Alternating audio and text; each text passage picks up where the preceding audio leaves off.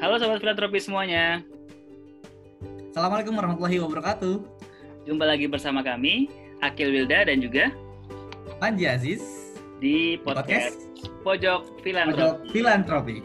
Oke, kita ada di episode ketiga ya Kang Panji ya.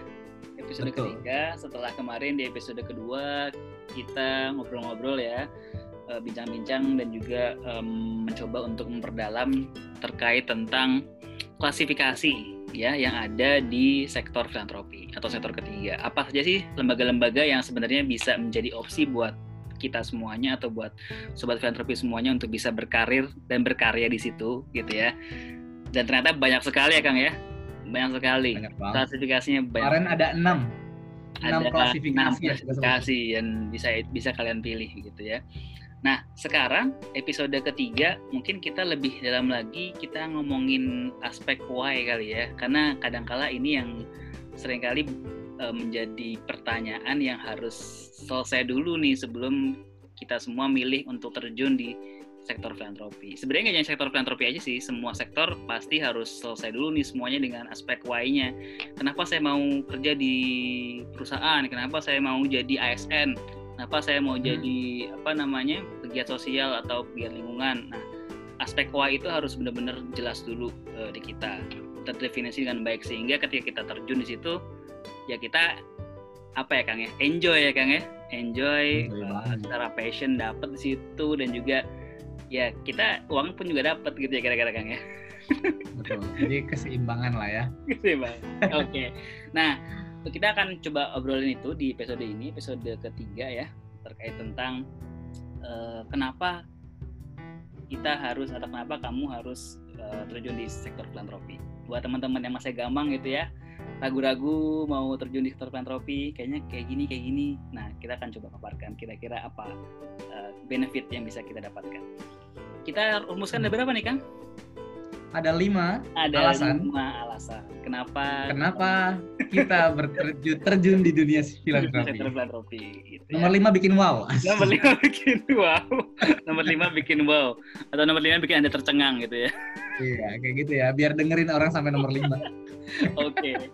Baik. Kita mulai dulu dari yang pertama. Yang pertama silakan yang Manji. Apa dulu nih kita? Yang pertama, kalau buat kita sejak kita akhirnya ngobrol, em, kita tuh kayak lebih banyak nggak sih eh, Kang Akil eh, belajar dan juga banyak interaksi sama manusia. Ini buat teman-teman, eh, sobat filantropi yang suka banget, orangnya ekstrovert, interpersonal skillnya dapet, Yes. pengen banget eh, kalau setiap hari nggak ada namanya ketemu orang, terus rasanya mumet, artinya teman-teman atau sobat filantropi cocok banget terjun di Nah. dunia ini. Iya, Karena kesempatan buat belajar pasti banyak, gitu nggak sih Kang Betul. Akil? betul. Akan sangat banyak kemungkinan dan banyak peluang untuk ketemu dengan orang ya. Karena emang kerjaannya sehari-hari apalagi yang community base ya.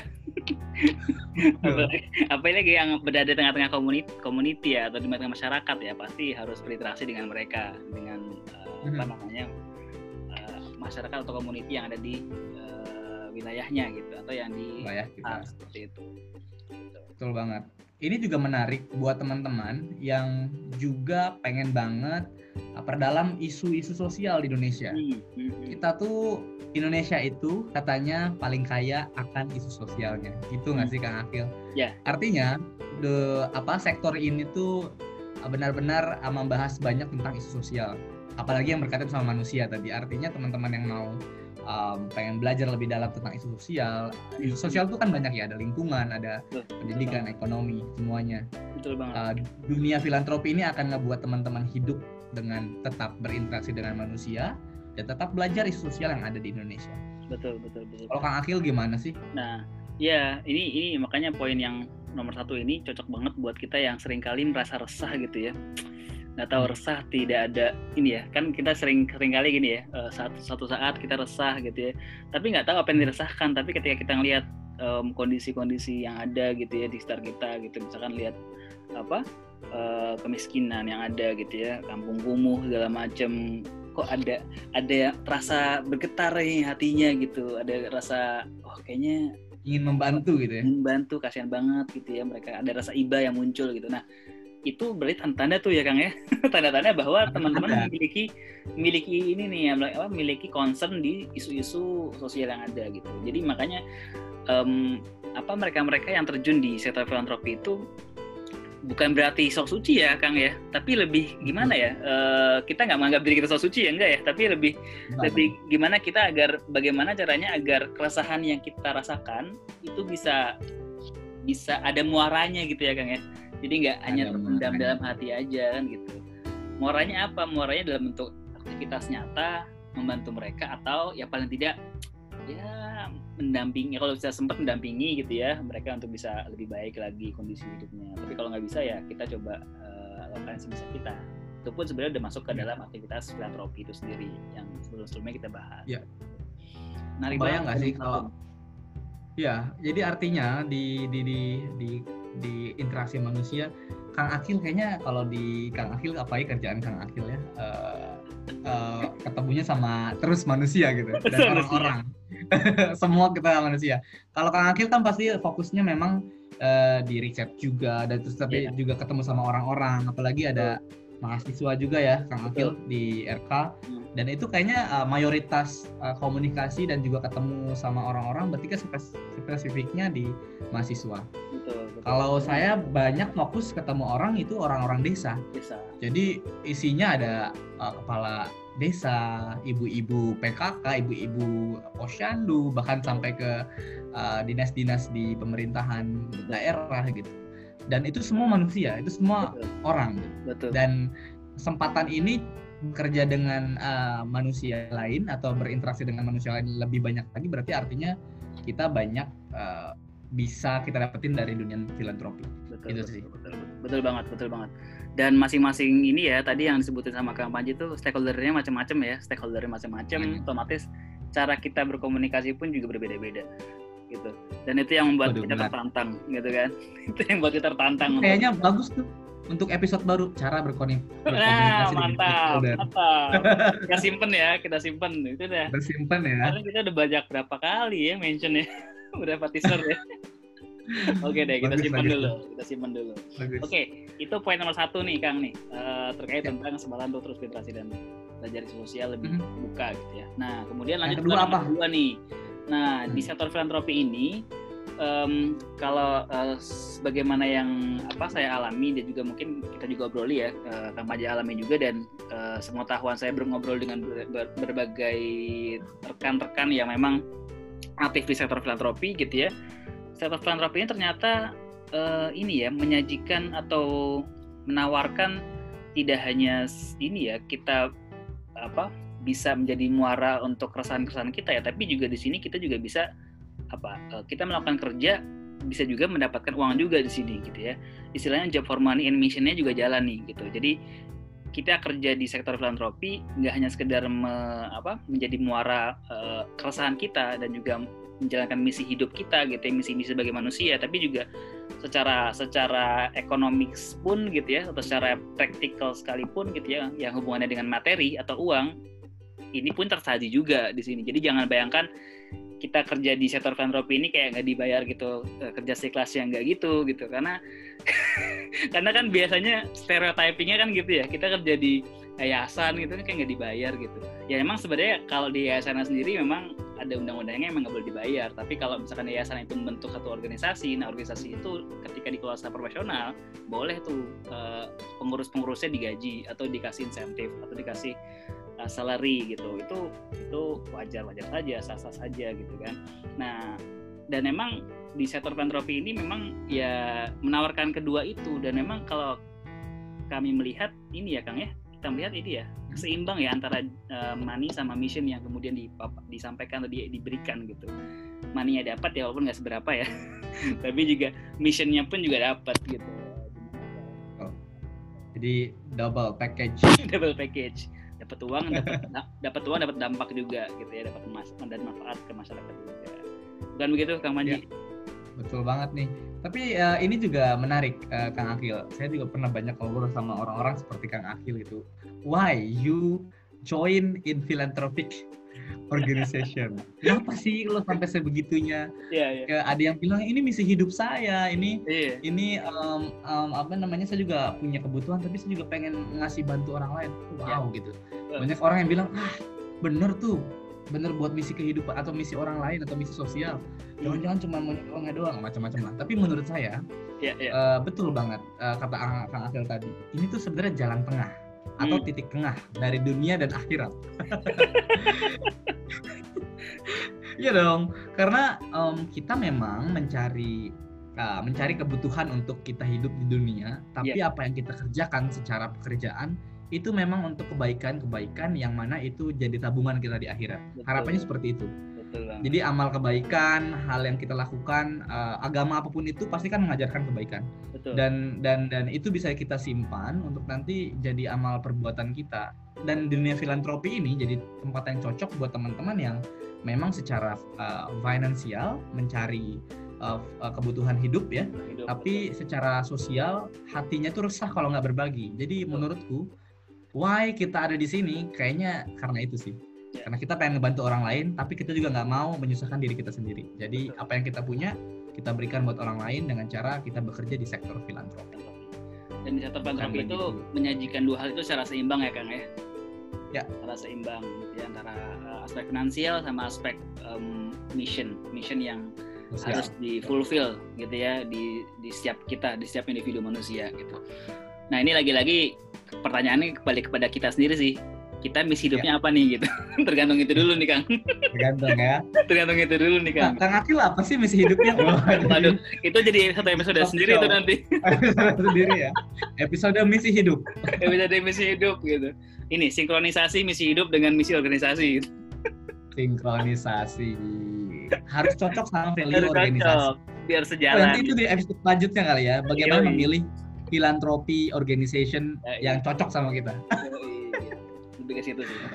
Gitu. Oke, Jadi kalau menarik. misalnya disebutin eh, seimbang antara tanda kutip tadi dunia dan akhirat gitu ya, apalagi di fight base ya, di fight base yang saya Yap. perhatikan entah di fight base yang dia afiliasinya ke Islam ataupun Kristen ataupun yang lainnya begitu ya, itu mereka Mhm. ma- sama-sama kenceng tuh, maksudnya eh, memasukkan unsur-unsur religiusitas di dalam organisasi itu benar-benar kenceng banget tuh.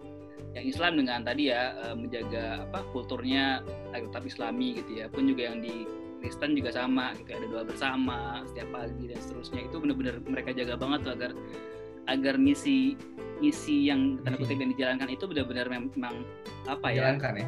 benar-benar terjaga gitu ya dalam koridor yang benar gitu. dan menariknya di situ wah menarik. Nah Lanjut, tapi boleh kalau saya boleh tambahin poinnya? Oh ya ada gimana? nih kang mission itu kan sebenarnya nah mungkin buat sobat filantropi sebenarnya mission Iya. itu apaan sih gitu? Iya. mission yang kayak gimana sih yang kita eh, yakinkan kan Iya. orang-orang juga mungkin tahunya kita juga pertama awal-awal saya bilang mission itu apa sih apa visi misi kayak ketua osis kah? atau kayak gimana gitu kan Iya, iya. takutnya salah apa salah persepsi juga nah yang kita maksud dan mungkin eh, kita sama-sama coba luruskan mission yang kita maksud adalah misi apa hal yang kita rasa itu eh, res- eh, yang kita rasa resah dan itu sesuai dengan value kita dalam diri terus kita pengen bergerak ke arah sana. Misalnya contoh teman-teman atau sobat filantropi resah banget sama namanya pembakaran hutan yang Nah, asal-asalan yang membuat jadi asap ke mana-mana dan menyebabkan uh, efek lingkungan yang nggak baik. Artinya teman-teman punya mission untuk ngebantu lingkungan menjadi lebih baik lagi. Yes. Nah, kalau filantropinya seperti apa ya? Berarti gabung di organisasi yang fokusnya di environment. Contohnya gitu lah, sesimpel itu. contohnya seperti itu. Oke lanjut Oke, itu yang Ke kedua. poin ketiga Yang ketiga. poin yang ketiga silakan Yang ketiga. Kalau yang ketiga, ini sepertinya Kang Akil yang bisa sangat-sangat menjelaskan karena doi head of research-nya Rumah Kepemimpinan. oke Katanya, ini saya dengar dari teman-teman juga, kita juga bisa lebih banyak uh, belajar tentang skill analitik ya Kang sama skill research kita. Itu kayak gimana sih Kang Akil? Eh, ini ini ya saya coba jelaskan terkait terkait terkait dengan poin nomor tiga ini. Pada awalnya saya sendiri pun pribadi ini ya mengalami yang namanya pergeseran eh, pemahaman nih gitu. Dari yang Hmm. sebelumnya aku anggap kerja di sektor filantropi itu hanya sekedar tadi ya kerja kerja volunteer segala macam kerja kerja otot tanda kutip ya Eh, bukan kerja otot. otot. Ternyata nggak begitu gitu. Ternyata Ya. tuh ketika kita sudah join di dalam lembaga apa namanya sektor filantropi ternyata di dalamnya wah justru sangat challenging sekali terutama dalam teman-teman yang gandrung sekali yang suka sekali dengan apa ya uh, berpikir gitu ya berpikir strategis gitu. Uh, sangat sangat bisa terakomodir sekali gitu ya apa namanya kegemaran teman-teman yang yang punya apa ya kesenangan untuk bisa berpikir strategis dan analitis seperti itu. Karena ya kalau kita bicara terkait tentang di sektor filantropi ya uh, nanti kan akan nggak jauh-jauh dari ngomongin terkait tentang apa sih sebenarnya program yang kita harus berikan, apa intervensi yang kita harus berikan kepada sasaran uh, objek kita atau atau uh, penerima manfaat kita gitu. Nah, bagaimana cara kita merumuskan program itu? Itu nggak boleh main-main dengan Panji, ya nggak sih? Hmm, nggak hmm. boleh asal asal jalan nih program kita punya uang oke okay lah kita punya uang misalkan gitu ya tapi kita nggak nggak secara benar membuat program yang yang dibutuhkan oleh masyarakat. Pada akhirnya apa? Ya udah gitu programnya ya hanya sekedar jalan tidak memberikan dampak yang besar pada masyarakat. Pada akhirnya hanya sekedar formalitas belaka gitu itu yang sering kali terjadi hmm. tuh. Nah, makanya dibutuhkan apa ya uh, analisis dari kita gitu ya. Perencanaan dan perancangan program yang baik dari kita para para apa namanya punggawa-punggawa nih ya di sektor filantropi nih artinya gitu untuk bisa memastikan agar program yang jalan itu di masyarakat ataupun di penerimaan manfaat kita bisa berjalan dengan baik sesuai dengan kebutuhan. Yang paling pasti sih yang paling yang paling tepat yang paling ideal adalah sesuai dengan kebutuhan gitu. Nah makanya ya. ngomongin di situ juga ngomongin riset juga nih gitu kan. Riset-riset yang dilakukan di lembaga filantropi kan ya semisal ada kita bisa ada yang ada juga ada beberapa kali ini ya mungkin teman-teman uh, pernah pakai juga gitu ya uh, metode riset PRE ya uh, apa namanya participatory role appraisal gitu-gitu. Uh, melibatkan masyarakat untuk benar-benar mengetahui sebenarnya apa sih yang mereka butuhkan sebelum program itu di deliver sebelum program itu dibuat gitu. Jadi memastikan apa apa yang dibutuhkan oleh masyarakat masyarakat masalahnya apa modal sosial yang mereka butuhkan apa mereka yang modal sosial yang mereka ada apa gitu ya sehingga kita mulai dari situ jadi nggak ke mana-mana mulainya gitu. Jadi nggak awang-awang nggak nggak apa namanya ya nggak asal jalan nggak kayak tahun lalu ada begini kayak kayaknya kemarin tahun ini ada ini lagi gitu. Nggak gitu modelnya. Jadi lebih ke, semua ada dasar ya? semuanya ada dasarnya ada backgroundnya. Nah itu yang kita pelajari di lembaga sektor filantropi Nah, itu saya mengalami perubahan tuh. Ke apa namanya pergeseran tuh Kang tuh. Awalnya saya anggap kerja kerja filantropi nih kerja eh kerja, kerja volunteer sorry. Kerja kerja volunteer kerja otot gitu ya. Kerja kita kutip hmm. keikhlasan tuh ya. Yang dibayar dengan yeah. kata ikhlas gitu ya. Tapi ternyata nggak begitu. Ternyata di dalamnya juga harus harus kita uh, mengerahkan ini juga uh, kemampuan analitik thinking kita juga. Dan itu challenging Artinya, banget. Wah, challenging banget ya. Artinya teman-teman atau sobat filantropi um, tadi kalau saya ambil atau uh, ambil dari apa pandangannya Kang Akil artinya buat teman-teman atau sobat filantropi yang memang punya punya skill uh, analitik yang oke okay, atau bahkan memang pengen mempelajari lebih dalam tentang analitik tapi lebih ke social impact. Ya. Ini menarik banget. Dunia filantropi akan bisa mengakomodir teman-teman yang punya daya kajian yang cukup tinggi. Yes. Gitu kan? Uh, bisa jadi kan selama jadi di kampus di, jadi mahasiswa saya tuh lebih banyak mikir kah saya banyak banyaknya riset kayaknya lebih cocok kerjanya di perusahaan deh. No. Filantropi sektor itu juga menampung teman-teman di bidang yes. risetnya ada. Yes. tapi kalau di Tanoto tuh ada uh, Kang Akil namanya Apa? monitoring learning and evaluation. Uh, MIL ya jadi ada departemen sendiri gitu. Dan itu benar-benar dibahas secara tuntas padat jelas dan terukur. Dan hmm. tadi Kang Akil bilang memang semua uh, sektor filantropi atau organisasi filantropi kalau nggak berdasarkan tentang apa yang mau dikejar di saat ke depan hmm. menurutku nggak akan nggak akan hadir namanya social impact Yes. Jadi kalau teman-teman selalu menggebu-gebu tentang social impact, saya pengen gabung di filantropi karena social impact. Itu akan jadi hal yang sangat kosong kalau teman-teman nggak bisa menghitung Betul. bagaimana cara menghitung social impact. Dan itu adalah kerjanya Kang Akil. kerjanya mereka yang di bagian mil tuh monitoring evaluation and learning itu Betul. oh itu ini risetnya tadi mil ya? Iya, evaluation juga masuk iya gitu sih. Jadi kalau saya di Tanto lebih banyaknya ke program. Artinya program. Ya. lapangan ya kang ya? di lapangan. Memang emang itu selain harus punya energi uh, skill interpersonal yang emang bisa nyambung ke semua pihak ya itu orang kalau orang riset sama orang MLI itu benar-benar mereka yang ngukur bagaimana program ini efektif atau enggak. Kadang-kadang suka Gitu. berantem ya orang program sama orang monitoring learning. Menarik nih di episode selanjutnya kita akan bahas ya Kang ya uh, tentang bidang-bidang pekerjaan di non profit. Itu menarik ya. Mantap, mantap. Wah akan menarik banget tuh kayaknya. Waduh ini Tunggu tanggal mainnya ya teman-teman. Oke, itu poin nomor tiga Kang ya, kira-kira Kang ya. Nah, Iya. sekarang masuk ke poin yang keempat nih Kang. Silakan Kang Panji. Ya, poin keempat eh, kita kan juga sering lihat bahwa banyak anak muda di Indonesia yang arahnya em, ya udah lulus pengen kerja di sektor eh, corporate aja karena kayaknya eh, sektor itu yang paling menjanjikan untuk kebutuhan finansial yang tercukupi. Mhm. Ternyata dunia filantropi juga menyediakan banyak pilihan, opsi.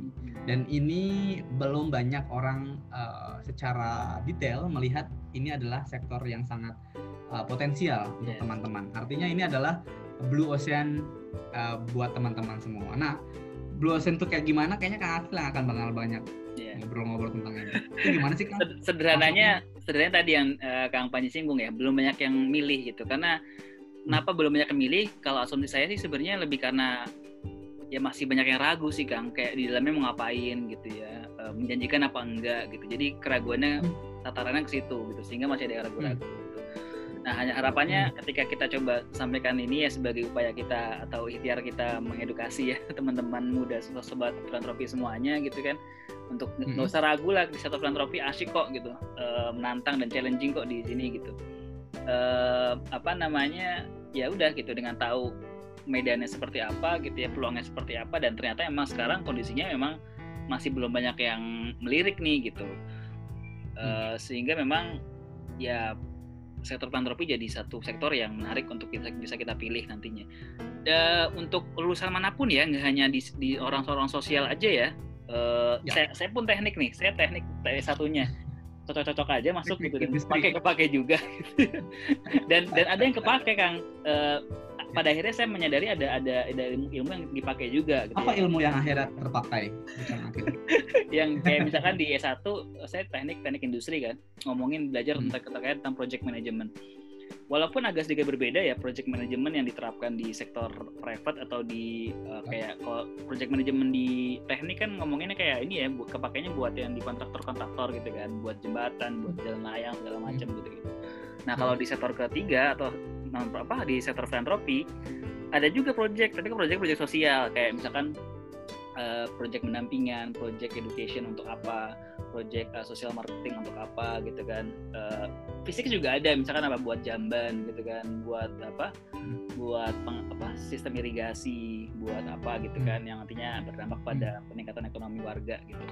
Nah sebenarnya nyambung nyambung juga gitu ngomongin project management akan akan nyambung pada titik yang sama juga gitu gimana ngomongin terkait tentang uh, gimana tadi ya program yang baik seperti apa. Kemudian sudah ada program yang baik seperti apa terdefinisi, ngomongin scheduling, gitu kan, Ya. penjadwalan, sampai eh, apa namanya manajemen alokasi sumber dayanya gimana, gitu. Dan dan ya sebenarnya mirip ya, cuman eh, ini aja yang beda, apa sudut pandangnya aja yang beda gitu.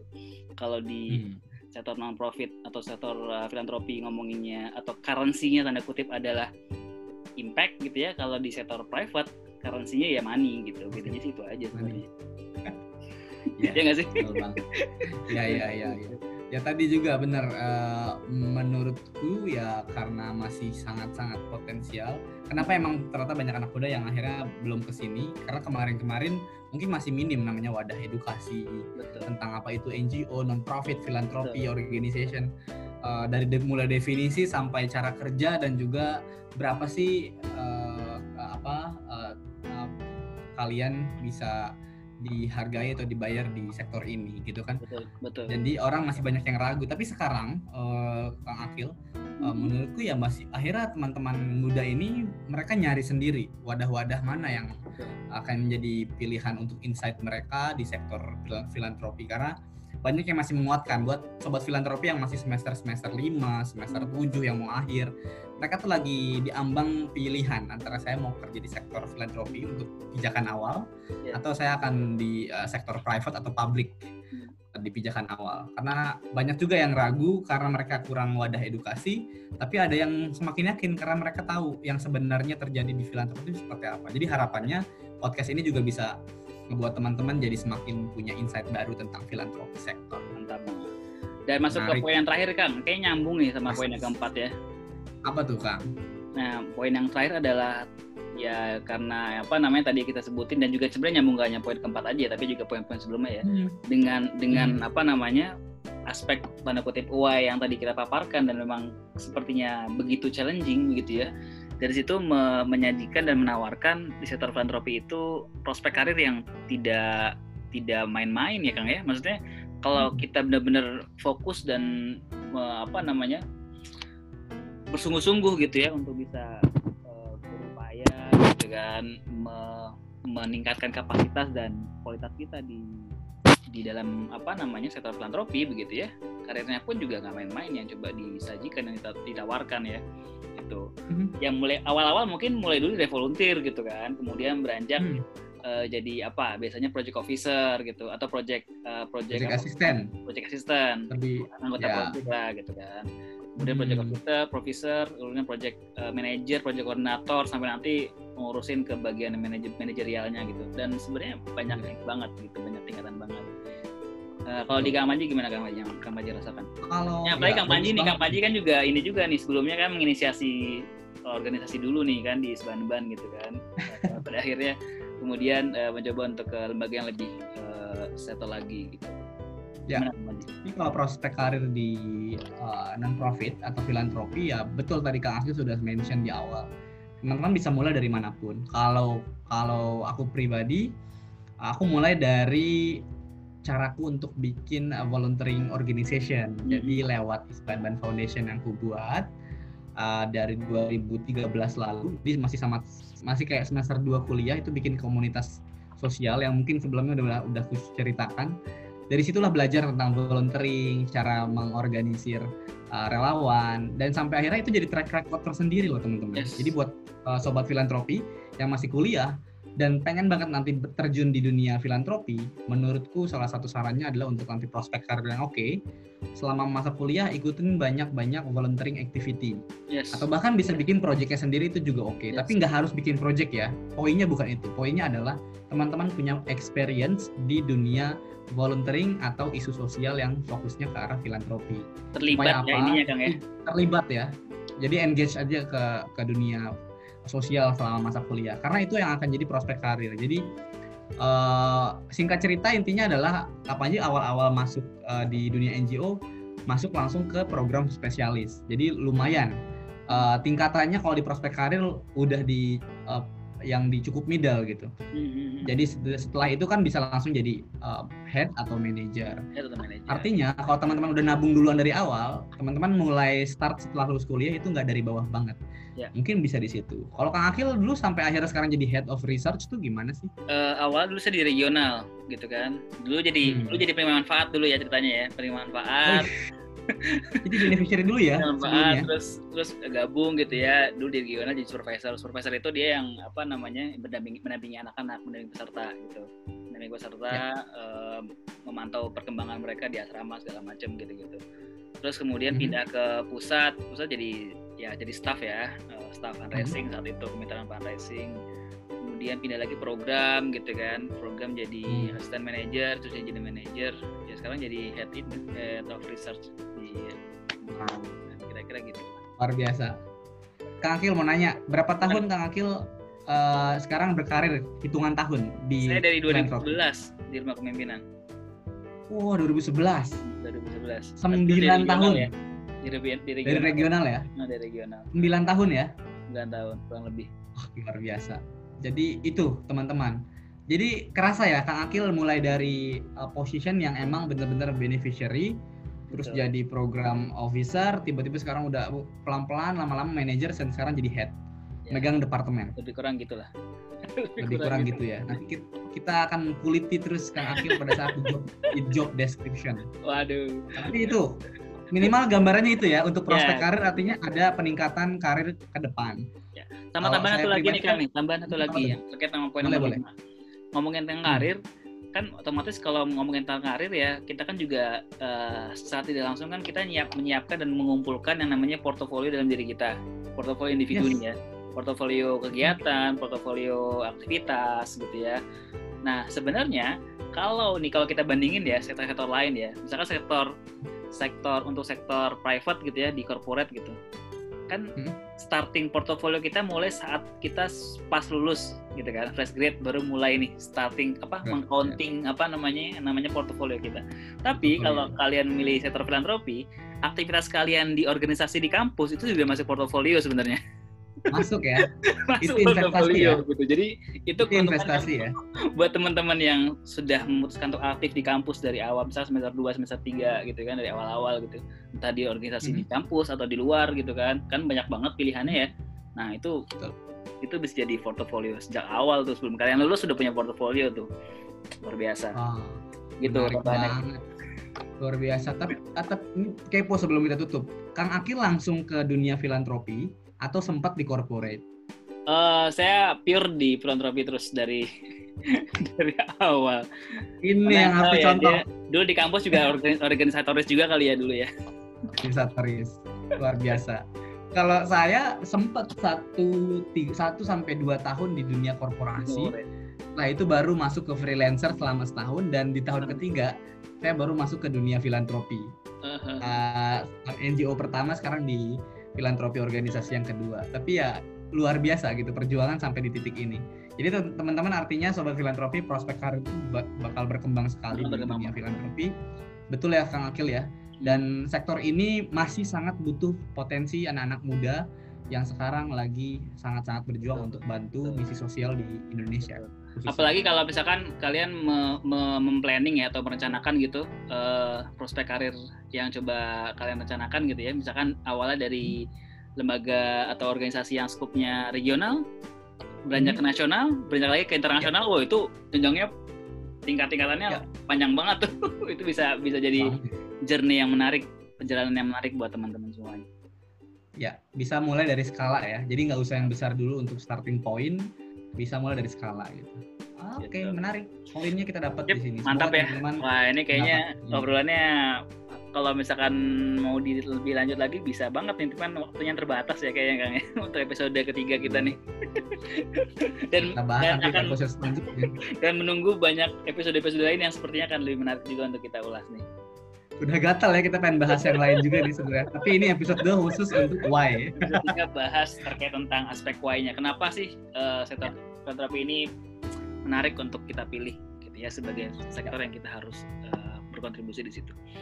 Itu aja mungkin ya, Kang. Terima kasih nih banyak nih uh, sudah mendengarkan apa namanya obrolan kita. Mudah-mudahan bermanfaat untuk lebih apa namanya me memberikan gambaran buat teman-teman uh, semuanya, buat sobat filantropi semuanya terkait tentang kenapa sih harus terjun di dunia atau sektor filantropi gitu kan ya mudah-mudahan lima poin ini bisa lebih menguatkan teman-teman yang mungkin lagi galau atau lagi gamang gitu ya uh, mm-hmm. mau milih ke sektor yang mana.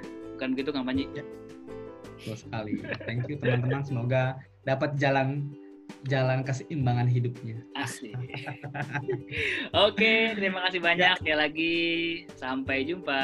Assalamualaikum. Sampai jumpa teman-teman. See you on the next podcast.